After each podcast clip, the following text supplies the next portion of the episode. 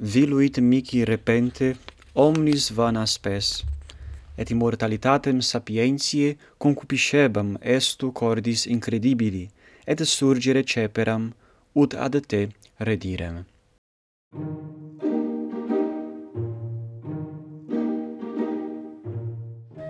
Dilectissimi sodales, salvete, benevenistis ad litteras Christianas, o cursum vestrum felicissimum messe, spero, Odie eamus recta via ad argumentum nostrum, loquemur de prima conversione sancti Augustini. Certe Augustinus conversus est ad fidem Christi, ad Christianam religionem, sed antequam converteretur ad religionem Christianam, aliam abuit conversionem. Quae fuit ec conversio? Augustinus narrat nobis in confessionibus suis, in libro tertio, se cum esset iuvenis unde uh, viginti annoro, cum esset Cartagine, et illic literis operandaret, et sequeretur cursum artis rhetorice, opus fuit ei et omnibus discipulis condiscipulis suis comparare comparare librum Ciceronis. Emere librum qui pertinebat ad uh, illum cursum, pertinebat ad illa studia.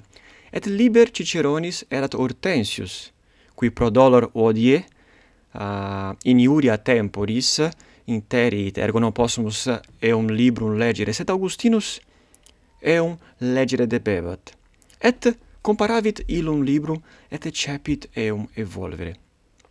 Et, bene, eamus ad ipsa verba Augustini, que optime nobis narrat quid factum sit. Ego imbecilla tunc aetate discebam libros eloquentiae, in qua eminere cupiebam fine damnabili et ventoso per gaudia vanitatis humanae et usitato iam discendi ordine per veneram in librum cuius dam Ciceronis, cuius linguam fere omnes mirantur, aspectus nonita. Ergo pertinebat ad cursum ad ordinem studiorum usitato iam discendi ordine per veneram in librum cuiusdam Ciceronis. Et Augustinus dicit se eo tempore pravum affectum abere. Bene, ille literis operandabat liperis incumbebat, sed fine damnabili et ventoso per gaudia vanitatis humane. Ergo, literas petebat superbie causa.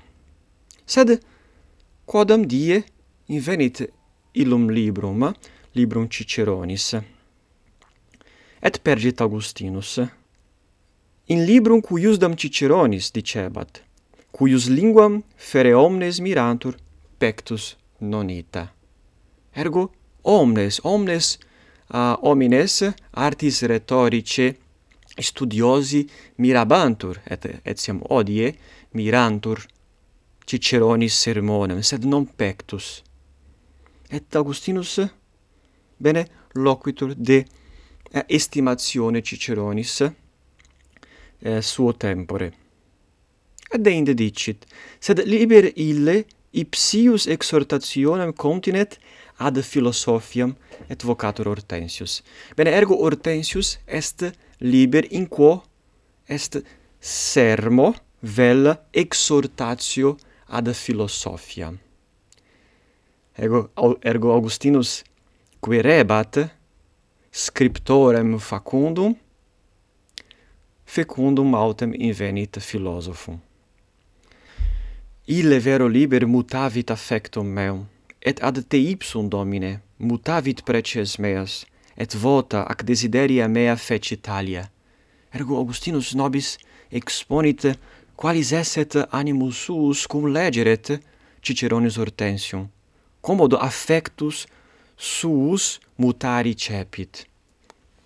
Viluit mihi repente omnis vana spes et immortalitatem sapientiae concupiscebam estu cordis incredibili et surgere ceperam ut ad terre direm ergo Augustinus non curabat immortalitatem sapientiae, non curabat veritatem, inquisitionem veritatis.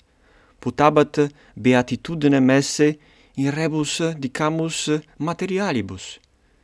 Ergo non curabat talia, sed cum legerete Ciceronem omnia mutata sunt, quia invenit lic, dicamus aliquid maioris ponderis, aliquid maioris momenti, non oportet iam querere gloriam uh, ob superbiam, sed necesse est inquirere veritatem. Et ile dicit, estu cordis incredibili concupiscebam immortalitatem sapientiae. Ergo, Augustinus Paulati ex arte rhetorica animum suum flecte recepit ad philosophiam et ex sententia pulcherrima legitur et surgere ceperam ut ad te redire. Ergo Augustinus ipse dicit surgere ceperam ut ad te redire. Ergo est prima conversio quia mutavit animum suum ec lexio Ciceronis, ut rediret ad Deum. Ec est ergo prima conversio sancti Augustini, quasi preparatio ad secundam conversionem. Non loquar odi de secunda conversione, spero me posse hoc facile postea, sed iam videmus i Augustinum abere animum uh, dispositum ad veritatem capessendam ergo gratias vobis ago, qui adoc me sive spectatis, sive auditis, et spero vos brevi rursus revisere. Valete!